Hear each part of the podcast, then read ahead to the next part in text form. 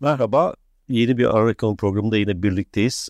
Ee, biz bayağı yaz rehaveti dolayısıyla aksattığımız için kaçıncı program olduğumuzu bilmiyorum ama 230'larda falanız herhalde. 250'ye doğru gidiyoruz yani sayın hocam. Ee, şimdi bugün konuşmayı düşündüğümüz şey Mehmet Şimşek'in orta vadeli programı başlığını koyduk. Ee, biraz program haksızlık yapmışsın. e ama başka kimseyi tanımıyoruz yani. Evet. Sayın Bakan var, Sayın Merkez Bankası Başkanı var, e, yardımcıları var. Da, bir de şey var. Sunumda destek. Evet, evet destek çıktı. Ee, dolayısıyla buradan Cumhurbaşkanlığındaki ekibin de bu işe katıldığını çıkartabilir miyiz? Tam olarak emin olamıyorum. Çünkü dünyaya bakışları biraz farklı Mehmet. Yani iktisada bakışları biraz farklı Mehmet Şimşek'le. Ee, biraz orta vadeli program üzerinde duracağız. Geçen hafta bir parça ele aldık ama e, duracağız. Bir de gidişat hakkında tabii. Yani orta vadeli programı bize bir şey anlatıyor. Ama o anlattığı şey herhalde e, yarım. Yani bağlama eksik diyelim. Hani benim son zamanlarda çok kullandığım bir e, kelime. Neden bağlama eksik? Çünkü ortada bir strateji belgesi yok. Yani önce biz ne bekliyorduk? Eylül ayında açıklanacağı söylenmişti onun da. E, Sayın Mehmet Şimşek e, gelecek, e, durumu görecek. Hatta durumu gördü, durum benim tahmin ettiğimden daha kötüymüş gibi kulis ya da delikodu diyelim e, bilgileri dolaştı etrafta. Ondan sonra ekibiyle herhalde bir ekibi vardır. Ekibiyle bir hazırlık yapacak ee, ve bu enflasyon belasıyla nasıl mücadele edeceğini bize anlatacak. Ekonomideki diğer yapısal problemleri nasıl çözeceğini bize anlatacaktı. Değil mi? Sayın piyasaların beklentisi, e, piyasa aktörlerinin beklentisi buydu. Bunu da bir rasyonel e, çizgiye dönüş olarak adlandırdı. Fakat şimdi böyle bir strateji belgesi yok elimizde. Ama bu olmayan strateji belgesinin e, kısa vadeli çözümlerini içeren ya da kısa vadeli aksiyonlarını içeren orta vadeli program var. Şimdi bir kere herhalde büyük garabet buradan başlıyor zaten. Ee, ikincisi bazı adımlar atıldı tabii. Bu işte piyasalarda bir hayli e, şey yarattı, coşku yarattı.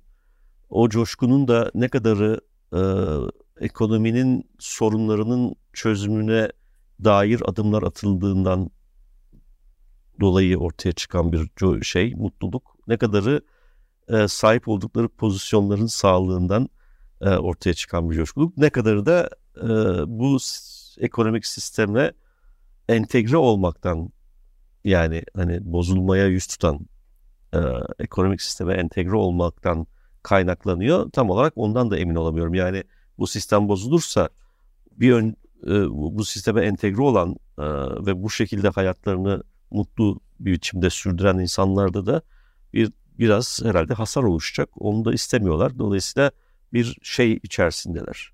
O güzel günlerin devam etmesi için e, umutlu bir bekleyiş içerisindeler diyelim. Şimdi bu dolayısıyla biraz e, tam kapsamlı bir e, şey olmayacak, değerlendirme olacak ama senin hazırladığın bazı grafikler var içinde ne durumda olduğumuzu gösteren. Onlara da bir bakacağız. Ve bir de işsizlik çeyrek rakamları açıklandı. İkinci çeyrek Haziran'da biten. E, onu değerlendireceğiz. Yani biz çeyreklere şöyle bir bakıyoruz ama e, yine bölge boyutu falan eksik olduğu için çok değer verdiğimiz bir şey değil. Epeydir. Aylık mı çeyrek mi bunlar? Çeyreklik de açıklanmış. ikinci çeyrek. 9 nokta küsür. Evet. %10'un altında. Ee, dolayısıyla onu da bir değerlendirelim istiyoruz. Ee, çok kısaca çünkü yıllık verileri yani yıllık e, şey iş gücü piyasası raporunu değerlendirmek bizim açımızdan daha sağlıklı gözüküyor. Aylıklar zaten hiçbir anlam ifade etmiyor. Çeyrekler eh aşağı yukarı bir şeyler söylüyor. E, yıllığı bekleyeceğiz tabii. O da önümüzdeki yıl Şubat ayında açıklanacak. E, bir iyileşme var gibi gözüküyor işsizlikte. E, işte işsizlik oranı 9.7 ikinci şey. İstihdam sonunda istihdamda bir da artış var. e, 31 milyon 513 bine çıkmış. İş gücü 34 milyon. Dolayısıyla işsizlikte 3, 3 milyon 400 bin gözüküyor. Tabii burada istihdam kalitesi nedir, odur budur falan gibi konulara e, Bu vakıf olamıyoruz. büyümeyle tutarlı bir sonuç. Ee, evet ama bu manşet işsizliğin 9.7'ye düşürecek kadar sağlıklı ve güçlü bir büyüme var mı? Ondan e, Ama emin turizm değilim. sektörü Evet yani işte e, ve tarımsal evet yani e, konjonktürel istihdam diyelim böyle saçma bir kavram oldu ama yani eğreti istihdam daha doğru bir kavram. E, hem mevsimlik yönü olan hem güvencesizliği yüksek olan e, işlerde bir artıştan. Bu Türkiye'ye özgü değil bu arada. Onu da altını çizmekte fayda var. bütün E, bütün dünyada benzer bir eğilim var. Yani e, çalışanların e, yüzyıllarca, 100 yıl, 150 yıllık falan bir toplumsal mücadeleler sonucunda elde ettiği hakların birer birer e, elden gittiğini görüyoruz ve tabii bu da aynı zamanda ücretlerde de bir e, kötüleşmeyle beraber ortaya çıkıyor. E, benzer bir şeyi Türkiye'de yaşıyoruz. Genç nüfusta işsizlik oranı halen yüksek 18.3 kadınlarda benzer bir düşüş eğilimi yok 14 küsürden 13 nokta bir şeylere düşmüş durumda yani çok genel işsizlikteki de paralel bir azalma değil daha düşük bir azalma söz konusu. Bu da aslında tabii kadın iş gücüne katılımının yüksek olmasından, erkeklere göre yüksek olmasından kaynaklanıyor. E, bunları söyleyelim ve senin e, daha herhalde bütünsel bir değerlendirmen olacak. Onu Bir iki konu ben hani birçok yerde de e, bahsettim e, ve görüşlerimi ifade ettim. Ancak bunlar e, çok derli toplu olmadığı için burada vurgu yapmak istiyorum. Daha sistematik bir şekilde ele almak istiyorum bu orta vadeli programı. Aslında e, belki bu hafta itibariyle başka bir konu gündemde olabilirdi. Bizim gündemimizde olabilirdi.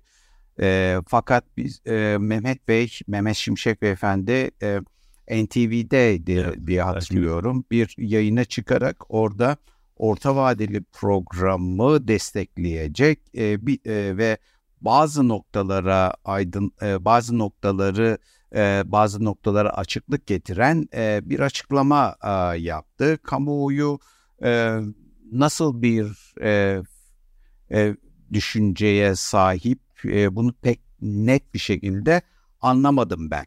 Zaten muhalif olan bir kesim var.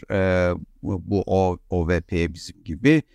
Onlar zaten muhalifti. E, ancak e, piyasa esnafı dediğimiz e, kesimler e, bu konuda e, gördüğüm kadarıyla daha olumlu bir tavır takındılar. E, bu makul yani bu anlaşılır bir şey. Makul demeyeyim de anlaşılır bir e, tavırdır. E, ancak e, ya bu onu e, da bu anlaşılır o- dediğim bu e, tav, e, tav- e, tavır başka e, bir anlayışla da başka e, bir takım unsurlarla desteklenmediği e, takdirde yarım kalır ve ekonomi için yeni risklerin doğmasına neden olur. Ben birazcık onlara e, vurgu yapmak e, istiyorum ve orta vadeli programı tekrar e, masaya yatırmak e, istiyorum.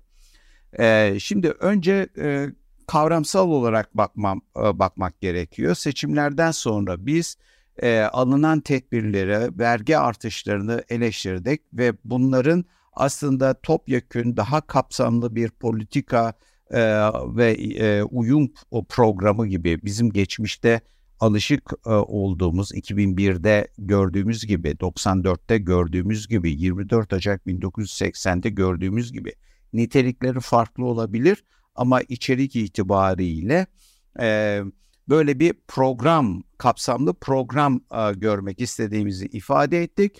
E, ulusal düzeyde ve uluslararası düzeyde e, gözlemciler e, iktidarın e, farklı unsurlarıyla temas ederek e, bunların orta vadeli e, programda yer alacağını ve orta vadeli programın beklenmesi gerektiğini ifade ederek e, geçiştirdiler. Ve kamuoyu da yaklaşık olarak işte son günlerde 100 günde ne yaptınız deniyor ya 90-100 günü dolmuş herhalde Mehmet Bey'in. E, 100 gün beklemek zorunda kaldı. Ne niçin bekledik? Biz orta vadeli programı e, bekledik. Neden bekledik? İşte kafamızdaki soruların cevabını bulabilmek için. Peki bulduk mu? Anlaşılan e, e, ekonomik gözlemcilerin bir kısmı istediğini bulmuş. Onların beklediği buymuş. Ama ben bir iktisatçı olarak ekonomistler belki bulmuş olabilir ama bir iktisatçı olarak ben bulamadım. Finansal Neden? iktisat, ekonomiciler.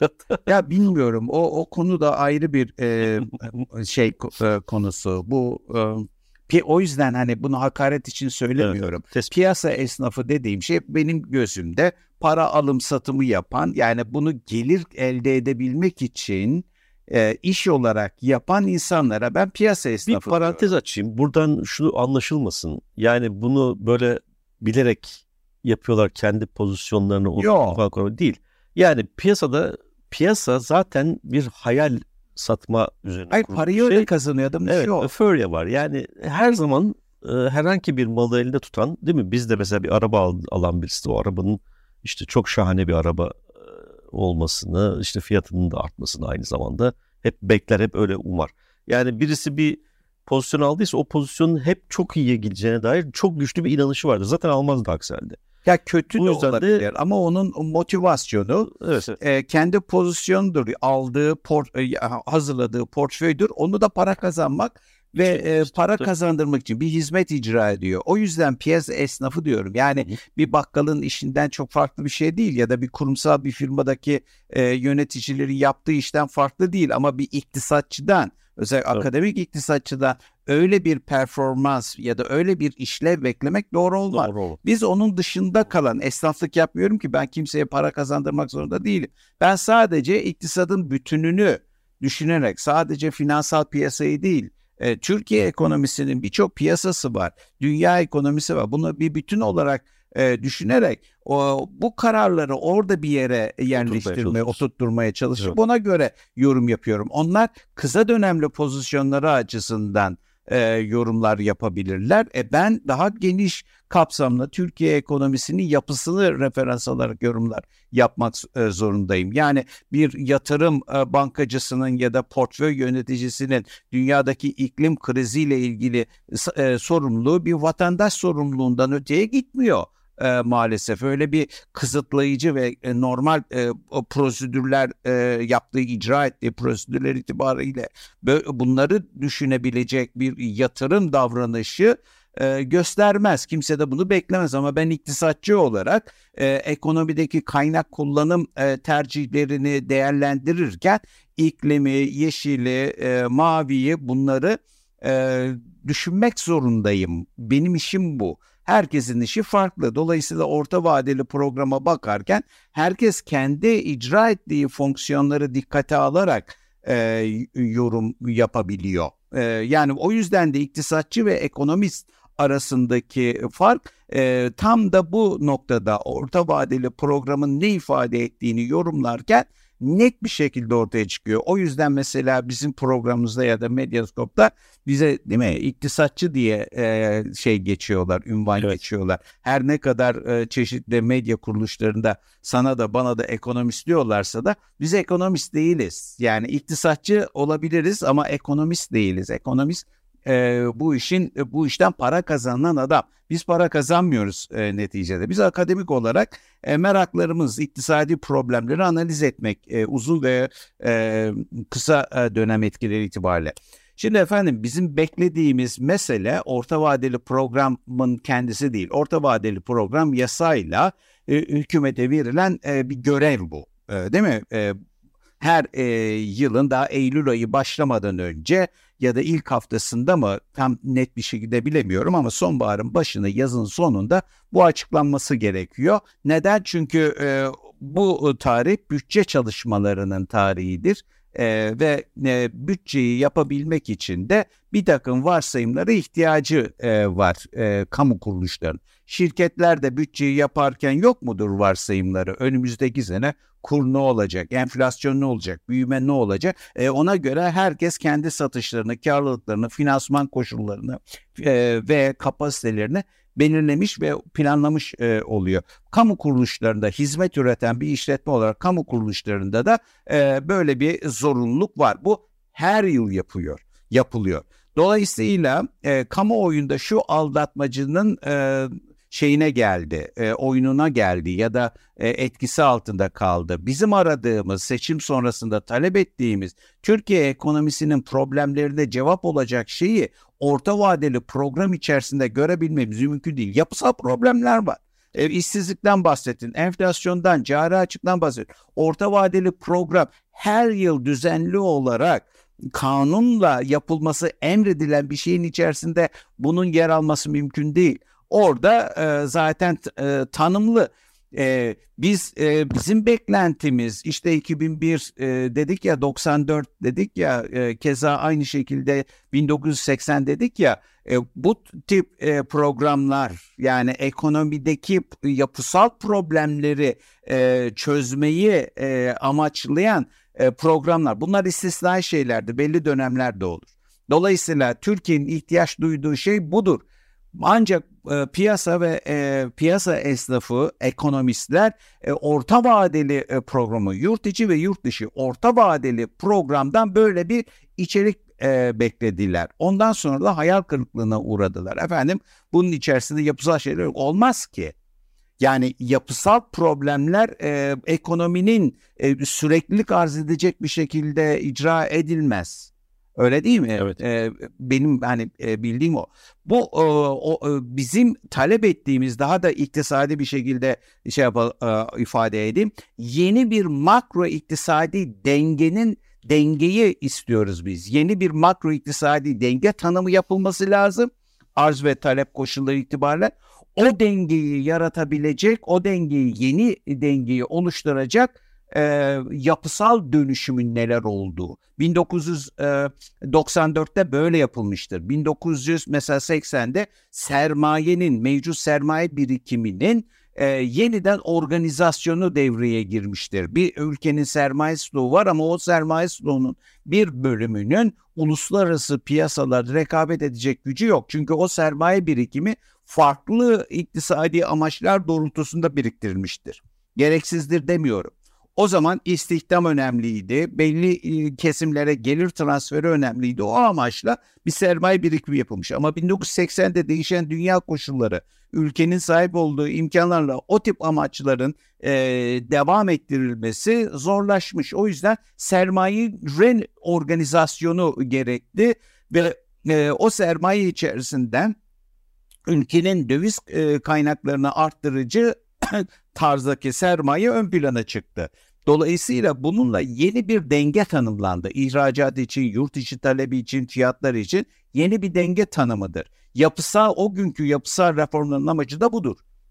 2001 yılına geldiğimizde de e, ciddi bir kamu e, yükü ekonomide ve o kamu günü öyle ya da böyle savunursunuz, eleştirirsiniz. Bir amacı var. Ama o amacı ekonominin o gün sahip olduğu imkanlarla sürdürebilmek, sağlayabilmek de mümkün değil. Öyle değil mi? Yani o kamu açıklarını verebilmek, o enflasyona tahammül edebilmek ve bunu da insanların refahını, refahını çok fazla e, etkilemeden yapabilmek. Gerçekleşim. Yani. Ya, bir takım tercihlerle ilintili bir şey daha doğrusu. Onu Şimdi böyle bir durumda o zaman e, ekonominin kaynaklarıyla uyumsuz bir tercih, kaynak kullanım tercihi evet. varsa sen orada yapıyı değiştireceksin. Yeni bir tercih ortaya e, koyacaksın. Yeni bir tercih. Evet. Ne için? Harcamalar için. Ne için? Büyüme için. Bu tercihleri ortaya koyduktan sonra yeni bir makroekonomik denge ortaya çıkar. Ee, şimdi yapılması gereken budur. 2001'deki güçlü ekonomiye geçiş programı ve beraberinde icra edilen reformları bu amaçla yapılmıştır. Yeni bir denge tanımlamıştır. Şimdi orta vadeli programlarda böyle bir dengeyi tanımlamamızı beklenmez. Tarif edemez. yani bu dehşet verici bir şey ve neden kamuoyu böyle bir beklenti içerisine girdi anlamakta zorluk çekiyorum. Hani zaman zaman siyasi platformda CHP'nin iktidarın e, şeyine e, yönlendirmesiyle eylem içerisinde ya da eylemsizliğe gittiği söyleniyor. E, ama kardeşim iktisadi e, konularda da e, bal gibi e, 100 gündür kamuoyu orta vadeli programı bekledi. Bekliyoruz dedi orta vadeli programı. Niye bekliyorsunuz? E, hükümetin ne yapacağını. İyi de Türkiye'nin ekonomisinin e, zaten bir orta vadeliğinde sonunda vadeli program açıklanacak. Öyle ya da böyle. Ama ihtiyacımız olan o değil e, bizim. Bizim ihtiyacımız olan e, ciddi bir reform programı. Peki e, şu da sorulabilir. Bu orta vadeli program benim e, ortaya koyduğum e, gerekçeler e, de dikkate alınırsa bu gerekçeleri ortadan bu eleştirileri ortadan kaldıracak bir mahiyete sahip midir? Yani yeni bir makro iktisadi denge oluşumunu e, savunuyor mu ya da içeriyor mu? Şimdi e, baktığın zaman e, detaylı olarak hani bunları biz e, maalesef akademik anlamda tartışma kamuoyuna çok yansımıyor. O yüzden e, farklı farklı yerlerde kamuoyunun ulaşabileceği mekanlarda biz bunları yazıyoruz ve e, ne bileyim bin kelimeyle 800 e, 600 kelimelerle kamuoyuna çeşitli unsurlarını ifade etmeye çalışıyoruz. Şimdi e, bu e, orta vadeli program detaylı incelediğinde Sayın Hocam 2022 yılında 3.8-3.9 civarında %4'ün altında bir büyüme oranı biz elde ettik geçen sene. Bu büyümenin e, büyümenin kaynaklarına baktığın zaman kaynaklarına baktığın zaman inşaat, hizmet ve bankacılık. Hatta geçen senenin bir çeyreğinde de e, bankacılık sektöründeki yüzde 27 oranındaki bir artış falan çok dikkat çekmişti. Ama inşaat, hizmet e, tarzı e, şeylerin e, büyüme kaynaklı yüzde 8.1 geçen sene büyümüş. Yani ekonomi 3.8 büyürken e, inşaat ve hizmet sektörü, ticaret sektörü yüzde 8 büyümüş. Ortalamanın üzerinde büyümüş. Sanayi ne büyümüş? 1.7. Tarım ne büyümüş? 1.3. E, Türkiye ekonomisinin o zaman büyümesinin kaydi büyüme. E, kaydi demeyeyim. inşaat ve hizmet. Yani iç talep çekişli bir büyüme. Evet. İç talep çekişli bir büyümedir. E, bu çok net olarak. Peki bu iki çeyrek 2023 e, iki çeyreğinde e, ortaya çıkan büyüme nasıl bir büyümedir? yine aynı bir büyüme. Hadi diyelim o seçim öncesiydi, seçim ekonomisiydi. Bundan sonra ne olacak? İktidar diyor ki, pardon, Mehmet Şimşek diyor ki 3 nokta e, şey e, 4,5 olacak bu seneki e, büyüme. Sonra onu işte 4.4 falan dediler. Fark etme. E, nasıl büyüyecek bu? 2.6 sanayi küçülmüş. E, tarımda birazcık kıpırdama var ama o da bu son e, çeyrek hani tarımsal ürünlerin arttığı e, değil mi? E, mevsimsel. Mevsimsel e, evet. bir e, şey. E, 2.6 e, sanayi küçül, e, küçülmüş ve sanayi özellikle birinci çeyrekte geçen sene hani beğenmediğim o 1.7'lik büyümeler falan da nasıl gerçekleşmiş? Bir, sanayinin enflasyonist beklentiler sebebiyle e, bütün e, sanayicilerden mal talep eden distribütör e, distribütörlerin mal stoklaması, enflasyona karşı kendilerini koruyabilmek için mal stoklaması. Bunun neticesinde firmaların e, girdi stoklaması talep olduğu için ve bunun yol açtığı bir e, büyüme, iktisadi faaliyet artışı. E, Sayın Cum e, e, Bakan diyor ki önümüzdeki sene e, enflasyonu biz düşüreceğiz. Böyle bir beklentiye e, kapıldığı zaman e, sanayinin bütün paydaşları bir e, gelecekteki taleplerini bugüne çekmeyecekler. Dolayısıyla e, mal stoklamayacaklar. Mal stoklamayınca da firmaların girdi stoklamaları mümkün olmayacak. Zaten bunun ötesinde bu beklentisel e, e, mekanizma e, dışında e, aynı zamanda girdiler açısından nakit e, bağlamak ya da stokla büyüyebilmek, e, stoğa yatırım yapabilmek çok da mümkün olmayacak 2024 e, yılında. Hatta bu senenin sonunda büyüme rakamlarında göreceğiz stoklardaki etkinliği, stokların ne kadar etkili olduğunu bu büyüme e, öyküsünde. Şimdi e, böyle bir e, durumda sanayiye diyor ki Sayın Bakan ben diyor e, bütün yönelimimi değiştireceğim. Dört buçuk e, büyüteceğim ekonomiyi e, sanayiyle ihracatla büyüteceğim. Nerede? Şimdi Hangi ihracat? Evet.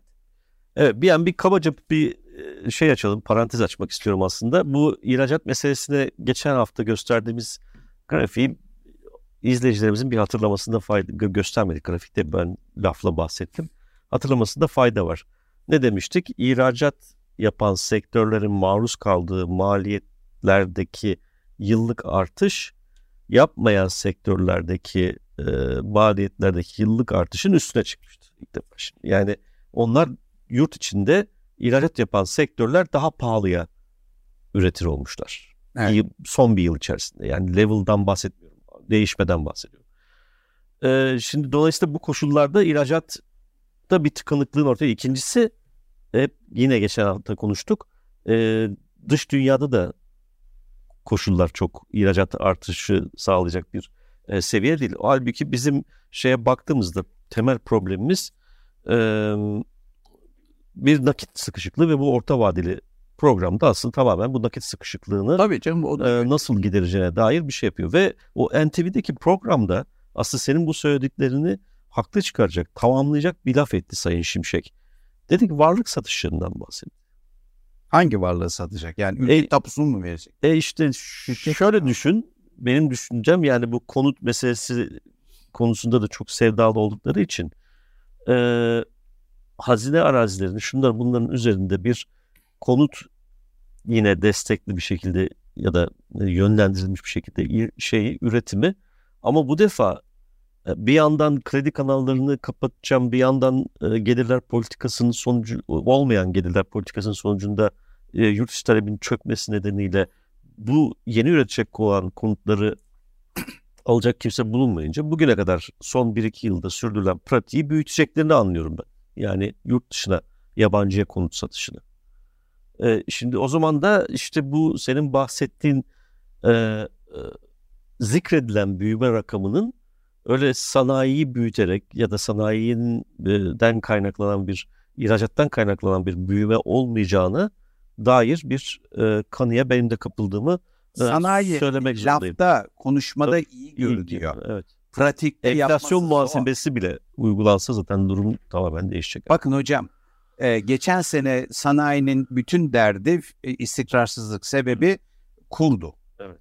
Değil mi? Evet. Kuru baskıladılar. Ama ne olacağı konusunda e, karamsarlığı geçmedi. Çünkü baskılandığını herkes biliyor. Bakanın ne dediğinin önemi yok. E, rakam belli.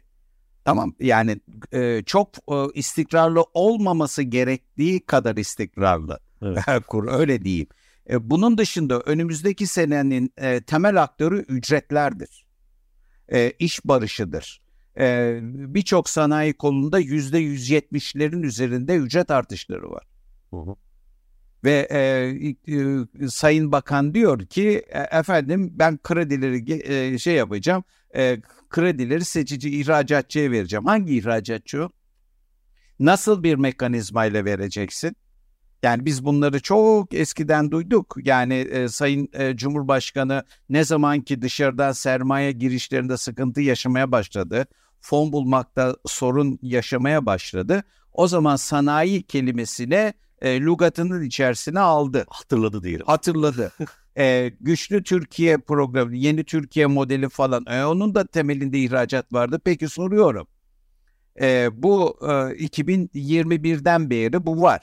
2021'den beri Türkiye'nin ihracatını arttıracak yapısal hangi problem e, ortadan kaldırıldı? Yani sadece bir Exim Bank e, kredileriyle bunu yapmak mümkün müdür?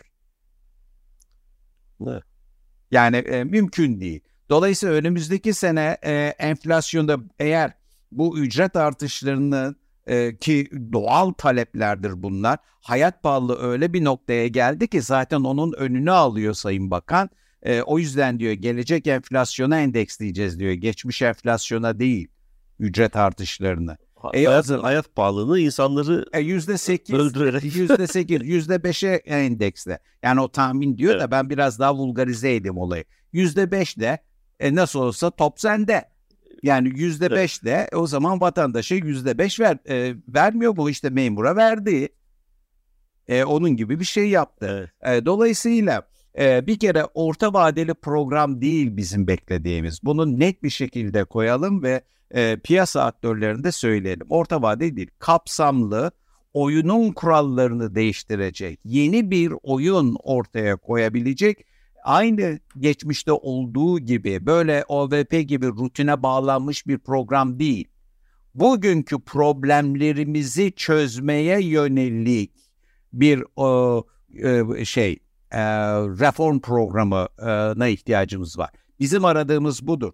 Bugünkü problemler Türkiye ekonomisinin problemleri önce ne oldukları e, ortaya konmalı. O e, problemleri çözmek için gerekli tedbirler manzumesi oluşturulmalı, uygulaması, politikası ne dersiniz desin. OVP değildir. OVP her yıl, seneye de göreceğiz zaten bir OVP. Öyle ya da böyle. Yani- Yapmak zorundasın. Yasayla tanımlanmış. E, reform yasayla tanımlanır mı ihtiyacı yoksa? OVP belli bir ekonomik yapıyı ve makro dengeleri e, veri alan ve o veri kısıtlar içerisinde ekonomideki belli e, rakamlara hedef koyan bir uygulamadır. Dolayısıyla bizim ihtiyaç duyduğumuz şeyi OVP'nin içerisinde e, bulabilmek mümkün değildir. Bir de bunun ötesine hadi diyelim bu ihtiyacımız karşılanmadı. E, OVP'de büyüme diyorsun yüzde dört. İyi de yeni öykün ne arkadaş? Evet evet. Bir de şu, ya- yani yeni öykü meselesinin altını çizmek de gerekiyor. Şu anda e, bir stratejik program olarak yeni bir stratejik program gelmediğine göre eskisi geçerli değil mi? E tabii canım. Eskisi Türkiye ekonomi modeli. Yine aynen. En rasyonel Türkiye. Türkiye, ekonomi aynen. Kaynak E kullanım tercihlerinde bir değişme yok. E, o zaman bu Türkiye ekonomi modeliyle bu OVP uyumlu mu? Ne yani? Yani geçmişte de uyumlu değildi. Evet, ama o zaman da OVP'ye bu kadar önem verir. İstersen şu grafik 2'yi Evet, görelim. evet bir görelim. Evet. Grafik 2'yi Grafik 2'yi görelim. Ha, gör, ha, şimdi bu cari açık. Ya, Bu İngilizce kalmış. Olsun. Türkçe bir İngilizce. Neyse. E, bunlar bizim e, zaman zaman bu programda da gösteriyoruz. Ben kümülatifleri alarak genel eğilimi e, görmek için. Hani dedik ya biz piyasa iktisatçısı değil genel eğilimlere bakan e, değil mi? E, yorumlar yapıyoruz. Şimdi maviyle görülen cari açık. Bu e, gölgelediğimiz, e, kırmızıyla gölgelediğimiz e, kısım en son biri. Geçenlerde açıklandı. Dikkat edin cari açıkta bir artış var. Seçimlerden sonra da hızını almış gidiyor. Göreceğiz. Yani e, Eylül, Ek- e, şey Ağustos ve Eylül rakamlarında e, bu nasıl bir e, eğilim göstermiş. Bizim reform dediğimiz şey nedir biliyor musunuz? OVP değil, reform dediğimiz buradaki maviyi ters geçir e, ters Yukarı harekete geçirecek bir takım e, politikalar e, manzumesi. Biz bunu istiyoruz. E ama e, mübarek aşağı doğru gitmiş. Yani şimdi bunun yönünü e, bu- buraya rakam yazarak olmaz. Şey rakam yazarak olmaz. Bunun yönünü yukarıya çevirecek e, bir takım Bir şey daha söyleyeyim. Hemen de olmaz. e tabii Bir ki geçiş hemen. süreci de olacak bilmem ne falan. O arada bu ı, önlemlerden zarar görecek olan kitleleri nasıl koruyacağına dair e, ek önlemler alacaksınız falan. Bunların hepsinin bütünlük içerisinde görülmesi lazım. Tabii bunun bir de maliyeti olduğu için Tabii. AKP iktidar motivasyonu olan bir parti. Do- Türkiye'nin hani genel e, çıkarları açısından e, bir kaynak kullanım tercihini esas almaz. Çünkü bilir ki kendisi başkalarının kat e, e, şeyi 2001'deki maliyetleri 4 o, o günkü koalisyon hükümetine e, yükleyip kendisi iktidar olmuş ve 20 yılda bu bunun ekmeğini yemiş bir parti. Bunu bu kadar net görürken aynı hatayı kendisini yapmasını beklemek doğru olmaz. Olmaz evet. o yüzden AKP'den bugünkü iktidardan reform beklemek e, doğru değil. E, kırmızı da finans hesabı. Yani Evet. cari açığın nasıl finanse edildiği. Edildi. Dolayısıyla aslında Seçimlerden sonra evet. dikkat edersen e, e, eğilimler biraz farklılaşmış. yani Evet, bir kırm- cari açık artarken finansal hesap e, finans e, da bir yavaşlama meydana gelmiş. Yani e, değişimler açısından baktığımızda cari açıktaki artışı, kötüleşmeyi e, finanse edememişiz. Aynen. Ee, bizim şu anda ca, e, rezerv biriktirmemiz lazım. Bizim e, görmek istediğimiz ideal durum mavinin yukarıya doğru hareket etmesi, kırmızının da aşağı doğru hareket etmesi. Aradaki farkın da yani e, ihtiyaç fazlası paranın da rezerve gitmesi. Yani Çin evet, evet. modeli. Hani onu diyorlardı ya Türk e, modelinde. E, peki bu aradaki e, farkı bu azalışı ne finanse etmiş? Yukarıda yeşil var. O da işte net hata noksan bizim. Evet. Yani başka ülkelerde bu boyutlarda dalgalanma oluyor mu bu net hata e, Miktarı da büyük zaten de. Ee, o da net hata. o artmış. Evet. Yani Geçen sonuçta, ay yine artmış. Şey, nereden? Şey, e, şu, e, o, neydi o? 7. ayda. Evet. Nereden geldiği belli olmayan bir para girişi var. Vallahi onu konuyu biz ciddiye aldık e, ve e, bu konularda e, çeşitli fikirler beyan ettik. Ancak son mafya şu bu ülkenin evet. geldiği durumu da düşünce herhalde biz küçümsedik kayıt dışı e, paraların yani gayrimeşru kayıt dışı demeyin de kara para, suç ekonomisi suç ekonomisinin etkilerini e, küçümsedik. E tabi yani ülkede bir de aklama meselesi kanunen para aklama müessesesi de olduğu için evet. e, bu e, konu gayet e, açık aslında nereden geldiği. Hani kimisi diyor ya e, eski e, Durmuş Yılmaz var Merkez Bankası o bir araştırma yapmışmış e, zamanında. E, bu net hata noksanın yüzde 35-38 civarındaki para e, şeyden şeymiş. Yani bankalar arası transferlerden, e, hareketten geç yansıması, muhasebe yansımalarının etkileri falan diyormuş ama geri kalan yüzde 70-60'ının ne olduğunu bilmiyoruz, tespit edemiyoruz falan diyordu. Kimisi işte turizm diyor, şu diyor. Çünkü turizm rakamları da tahmin üzerine hani e, belli bir harcama eğilimi e, esas alınarak şey yapılıyor. E, Rusya e, ya adam ama oraya girdiğin zaman orada artı eksi o kadar çok sübjektif faktör var ki gayri safi yurt hasılada. Yani o hani sadece turizmde böyle bir şey olsa buna itibar edebilirdim ama e, o turizm varsa onun karşılığında da ters yönde hareket tabii, yaratan tabii. dünya daha sübjektif şey var. Tabii. Şimdi bu grafik benim bu e, orta vadeli programda ortaya konulan iddialı hedeflerin, öykülerin takip edebilmek için, izine sürebilmek için kullandığım bir grafiktir. Evet. Bunu e, çok uzun zamandan beri ben e, kullanıyorum aslında. Bu Türk e, ekonomi modeli miydi? Türkiye ekonomi modeli miydi? Evet. Ee, işte o, o model devreye girdiği zaman da bunu kullandık. Dikkat edersen e, hiçbir faydası olmamış. Yani Sayın Cumhurbaşkanımız bizim e, 2021'den beri hani ihracattır, şudur, budur falan e, diyor. Ama e, onun etkilerini biz bu grafik üzerinde bir türlü görememişiz. Lafta var da. E, Daha doğrusu şöyle, evet orada mavinin kırmızının üstüne geçtiği bir şey var, dönem var değil mi? Ee, Bunun ama geçmişini evet, 2020 2021 ama o dönem bu mavinin kırmızının üstüne geçmesi için e, e, herhalde kimin ne ödediğini yani o o o farkın nereden geldi kimin bu bu faturayı ödediğini de bakmak lazım. E tabi o aradaki evet. fark kırmızının altlı olması evet. E, tercih eden yani ülkenin evet. rezerv biriktirebilmesi için o evet. kırmızı fonksiyonun mavinin altında, altında olması, olması lazım. Ama biz dikkat edersen şeyinde e, şimdi bu aradaki fark e, bizim beklediğimiz şekilde ya da Sayın Bakan'ın istediği şekilde e, azalırsa bu olumlu bir e, bir şey. E, ama e, şu anda e, seçim sonrasındaki e, gidiş e, pek öyle değil. Yani ilk başta biraz azalma olmuş ama e, Temmuz ayında e, durum eski haline gelmiş. Ağustos'ta da bu devam ederse o zaman biz e, e, bu programda da başarıyı yakalayamayacağız e, demektir. İşte bizim e, derdimiz bu kırmızıyı aşağı, maviyi de kırmızının üzerine çıkartacak e, yönde bir programdır. Daha somut nasıl anlatabilirim evet, bilmiyorum. Evet. Yani bir de mesela en son şey var.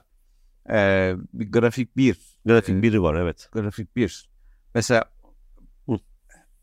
bu da ee, en son bunlar TÜİK rakamları bu arada. Yani ben bir şey yapmıyorum. Sadece o yukarıdaki kalınla gösterdiğim benim hesaplamamdır. Onun dışındakiler e, TÜİK'in her bir ülkedeki finansal araçların getirileri, yıllık getirileri yalnız. yıllık getirileri enflasyondan arındırılmış. TÜFE enflasyondan arındırılmış. Yukarıdaki de konut e, indeksleri var ya Merkez Bankası'nın.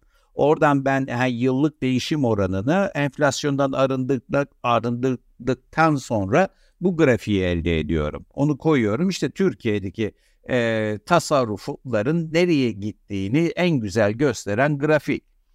Hani e, tabana yayılması şeyin çok iyi. Bizin hani coşması vatandaşın işte 7 7 milyona mı çıkmış, 6 milyona mı gitmiş e, e, yatırımcı sayısı. Ama o, o değil de e, konut sektörünü görüyorsun yukarıda. Şimdi o dönemde geçen seneki büyümeyi yaratan, bu seneki 3 aylık dönemdeki büyümeyi yaratan sektör bu. Daha ne diyeyim yani elinde tasarruf varsa finansal araç olarak e, konut sektörüne gidiyor. Böyle arada fark olur mu ya? Yani ya ne, şunu sorması lazım. Neden e, bu kadar e, fark var? Yani mevduat faizine bak negatiflerde e, onu ikamet ya da diğerlerini de e, bakarsan çoğu zaten negatiflerde son yıllarda konuttan e, net olarak bir kazanç elde ediyor bu ülke. Kaynak evet. kullanım e, işte benim bak şeyden reformdan beklediğim OVP değil reformdan beklediğim bu kaynak kullanım tercihinin değiştirilmesidir. Bunun bu konuda bir şey var mı? E, şimdi rasyoneliteyi öyle tarif etmiyorlar ama rasyonelite reel faiz, pozitif reel ya, faiz diye tarif etmiyor ama o evet. yukarıdaki siyahın vatandaşın gelirlerine bir etkisi var mı? Ee, ev sahibi olmayanlara yok tabii. E, yok hatta işte orada işte bir de onun benim, servet etkisi var tabii. E, servet etkisi. Evet. E ama işte e, ben bunun değişmesi istiyorum. Türkiye'nin şu andaki problemi bu. Bu ama şimdi bir program. Şöyle bir e, şeyden söyleyeyim. Eğer hakikaten rasyonelite tanımı içerisinde tek boyutlu rasyonelite diyelim ona hani pozitif reel, reel faizle e, sınırlı bir tanımdan bahsediyoruz. Bu iktisattaki rasyonelite tanımından şikayet ediyorduk. Şimdi iyice kötü hale geldik. E, bu reel faiz pozitife dönerse o iker, yukarıdaki iki tane eğri e, negatife döner. Yani çünkü borsanın mesela e, dövizle ilişkisi şeydir yani çoğunlukla e, paraleldir. Çünkü döviz bazında şirketlerin değeri, döviz kuru bir numerer olarak yükseldiği için e, düşmüş gibi gözüküyor. Halbuki o şirket mesela ihracatçı bir şirketse belki işte daha yüksek performans göstermeye başlamıştır. Dolayısıyla kısa bir zaman içerisinde bu döviz kurundaki artışa o şirketin değeri e, uyarlanır. Yani dolar bazında değerini tekrar kavur. Dolayısıyla aslında borsaya döviz kuru yükseldikçe borsada e, yükselir belli ölçülerde. E, konut da e, aşağı yukarı bu çerçevede değerlendirilebilecek bir şey. Şimdi ama reel faizler bu iki tırnak içine söylüyorum konutu hiçbir zaman yatırım aracı olmaması gereken bir e, şey ama e, Türkiye'de ve piyasa aktörlerince ve e, ekonomi yönetimince bir yatırım unsuru olarak görünüyor. E, bir de şimdi vatandaşlık konusunda değiş tokuş unsuru haline de geldi. E, bu ikisi de fiyat olarak çok olumsuz etkilenir. Çünkü reel faiz alternatif bir yatırım aracı olarak gündeme geldiğinde bu sefer bunlara yönelik talep azalacağı için e, çöküş olacaktır. Şimdi 6-7 milyon dedim tabii o 6-7 milyon değildir büyük ihtimalle çünkü bu e, kendisi bir büyük kandırmaca haline dönüşmeye başlayan bazı halka arzları incelediğimizde görüyoruz çünkü öz kaynağın, öz sermayesinin 6-7 katı borçla halka arz izni alabilmiş ve halka arz olmuş şirketler var. Ee, bunların e, işte her halka arz son zamanlarda bu borsaya güçlü bir eğilim olduğu için bir şey olmaya başladı. Nedir? Bir tür öförya haline böyle bir tutkulu, coşkulu hale dönüşmeye başladı. E, çünkü 2-3 tane tavan yapıyor minimum. İşte herkes girmeye başladı sefer. Şimdi e, bu halka arzlarıyla beraber e, yükselen talep işte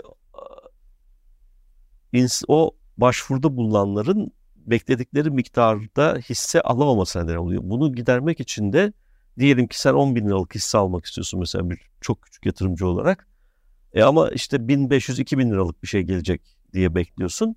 O zaman ne yapıyorsun? İşte eşine, çoluğuna, çocuğuna, kuzene bilmem ne falan hesap açıyorsun. Onlar adına başvuruda bulunabilmek için. Ha, o yüzden artık. O yüzden de bir miktar artış var. Yani bir, bir trend var ama o trendin böyle göründüğü kadar yüksek olmadığını e, düşünüyor, söylüyor bazı uzmanlar da ben de aynı görüşteyim. Bu konuda detaylı bir haber çıkacak Medyaskop'ta. Bugün herhalde e, hazır olur. E, bu borsa meselesi üzerinde. Şimdi dolayısıyla oradaki o yatırım araçlarında da büyük bir risk var. Bak yine bizim bu memlekette defalarca karşı karşıya kaldığımız e, yatırım araçlarının sağlıklı kullanılmasının önündeki en büyük engel e, olarak görülebilecek. Hani çünkü tasarruf oranının düşüklüğünden sezilir. Ben doğduğumdan beri herhalde. E, bu tasarruf oranının yükseltilmesi için istikrarlı e, yatırım araçları ya da yatırım araçlarının olması ve bu yatırım araçlarında insanların kazıklanmaması gerekiyor. E, şöyle diyelim tasarruf oranı düşük diye bir inanış var. Var, evet. Ama e, bu resmi ya da Evet. formel piyasalardaki tasarruf, Tasarruf oranı oranı. referans Yoksa yurt dışı beraber. Yo sıradan vatandaş da belki piyasayı kullanmıyor. Bankacılık Evet, bank- hizmeti kullanmıyor. kullanmıyor. Başka şekillerde tasarruf yapıyor. Yani sonuç itibariyle kurumsallaşmış tasarruf diyelim. Evet. O oranın yükseltilmesi isteniyorsa istikrarlı ve e, düzgün regüle edilen değil mi? Yani böyle saçma sapan halka arzlara izin vermeyen e, bu doğrultuda da piya- şeye e, piyasa aktörlerine yani küçük yatırımcıya tabii e, güven verecek e, kurumsallaşmanın olduğu e, ve e, insanların da uzun vadede e, buralarda bir kazık diyelim hani kötü kaba tabirle kazık yemeyeceğine emin oldukları bir ortamın yaratılması lazım. Bunun tam tersine adımlar atılıyor. Şimdi e, bu bunun neresi rasyonel piyasanın e, ya da rasyonel politikayla uyumlu onu da bir anlatması lazım. Bir de bir şey daha söylemek istiyorum. SPK'nın yapması gereken iş makro ihtiyati Evet. programlarla uğraşıyor BDDK. Evet. Halbuki SPK. asıl işi bunlara engel olmak. Ya bunun yasal bir sorumluluğu olması gerek diye düşünüyorum ama bilmiyorum. Koruma altına almışlar. Yakında ben de e, halka açılacağım. köfteci olman lazım. Köfteci olmam lazım. yani önüne gelen açılıyor kardeşim yani. Şi- Şimdi e, sen bahsettin. Şimdi bir de şöyle bir zorluk var bu uzun vadeli istikrar programı e, açısından. Şimdi dünya koşulları çok aleyhte seyrediyor.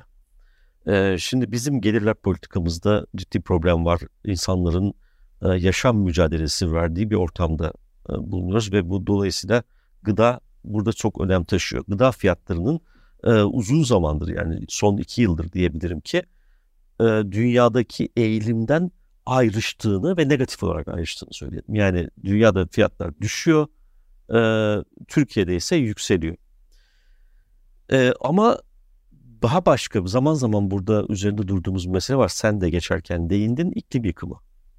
Şimdi bu iklim yıkımı e, koşulları altında e, büyüme oranından bahsetmek kolay değil. Nedenini iki tane, üç tane şey. Ama OVP'de var onlar. E, Gerçi bir- 12. kalkınma planındaki politikalar kısmından copy paste yapmışlar. Evet, yani ama bir anlam ifade etmiyor. Yeşil dönüşüm bilmem yeşil badana diyoruz biz onlara. Şimdi e, Açık Radyo'da Ömer abi Açık Gazete'de sürekli altında ve başka bir sürü programda da e, altın şey dünyada yayınlanmakta olan çok sayıda her gün en az 7-8 tane şey yapıyor ve her biri birbirinden dehşetli. En son Bill McKibben'ın e, New Yorker'da yazdığı bir yazıdan bahsetti. Ben de gittim okudum o yazıyı.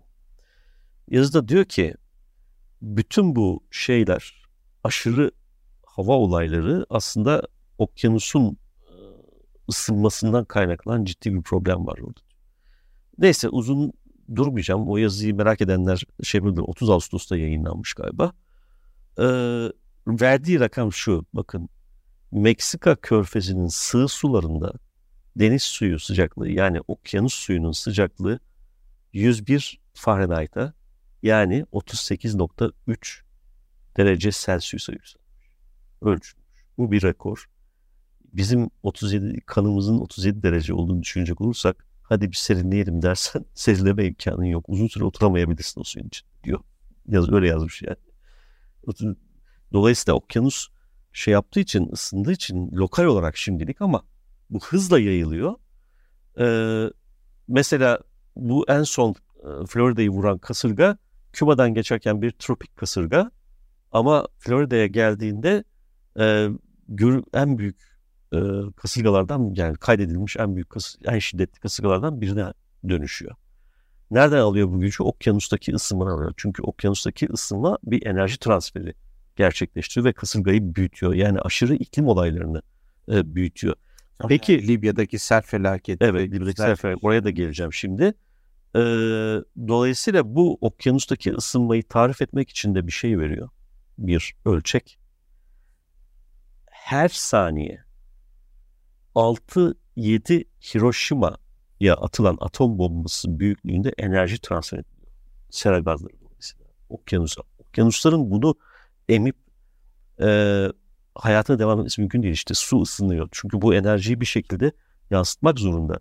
Oysa o okyanusun e, dünyadaki hayat için istikrarlı bir şekilde devam etmesi olmazsa olmaz. Yani bu süreç bu şekilde devam edecek olursa çünkü bu 150 yıllık ortalama yani bu küresel ısınmadan bahsettiğimiz şey bir buçuk saatte bir Hiroşima enerji transfer ederken son bir yılda bu saniyede 6-7'ye çıkmış. Yani geometrik bir artıştan bahsediyoruz. Artık okyanusta hayatın ölmeye başladığından bahseden çok sayıda e, çalışma e, var. E, gelelim Yunanistan'a. Yunanistan bir iki ay önce büyük yangınlarla e, Dede Ağaç işte falan filan e, sarsıldı. Ee, en son Yunanistan'ın en verimli arazisi Teselya Ovası çok da büyük bir yerdir. Oraya son 3 yılda yağması beklenen yağış miktarı 2 gün içerisinde düştü. Yani bütün tarımsal üretim peri, o perişan durumda e, göller oluşmuş. Şimdi bu tesadüfen oraya geldi. Teselli'ye. Bu pekala Trakya'ya olabilirdi. Pekala e, Ege'ye olabilirdi. Şuraya olabilirdi bugün olmadıysa yarın olmayacağı anlamına gelmiyor. Dolayısıyla Sayın Şimşek'in istikrar programının bir yandan da esas büyük kısıt olarak bunu alması ve buna göre bir e, program ve toplumu buna hazırlaması gerekiyor. Yani bu kaynak tahsisindeki değişme artık bir ölüm kalım mücadelesi haline dönüşmüştür.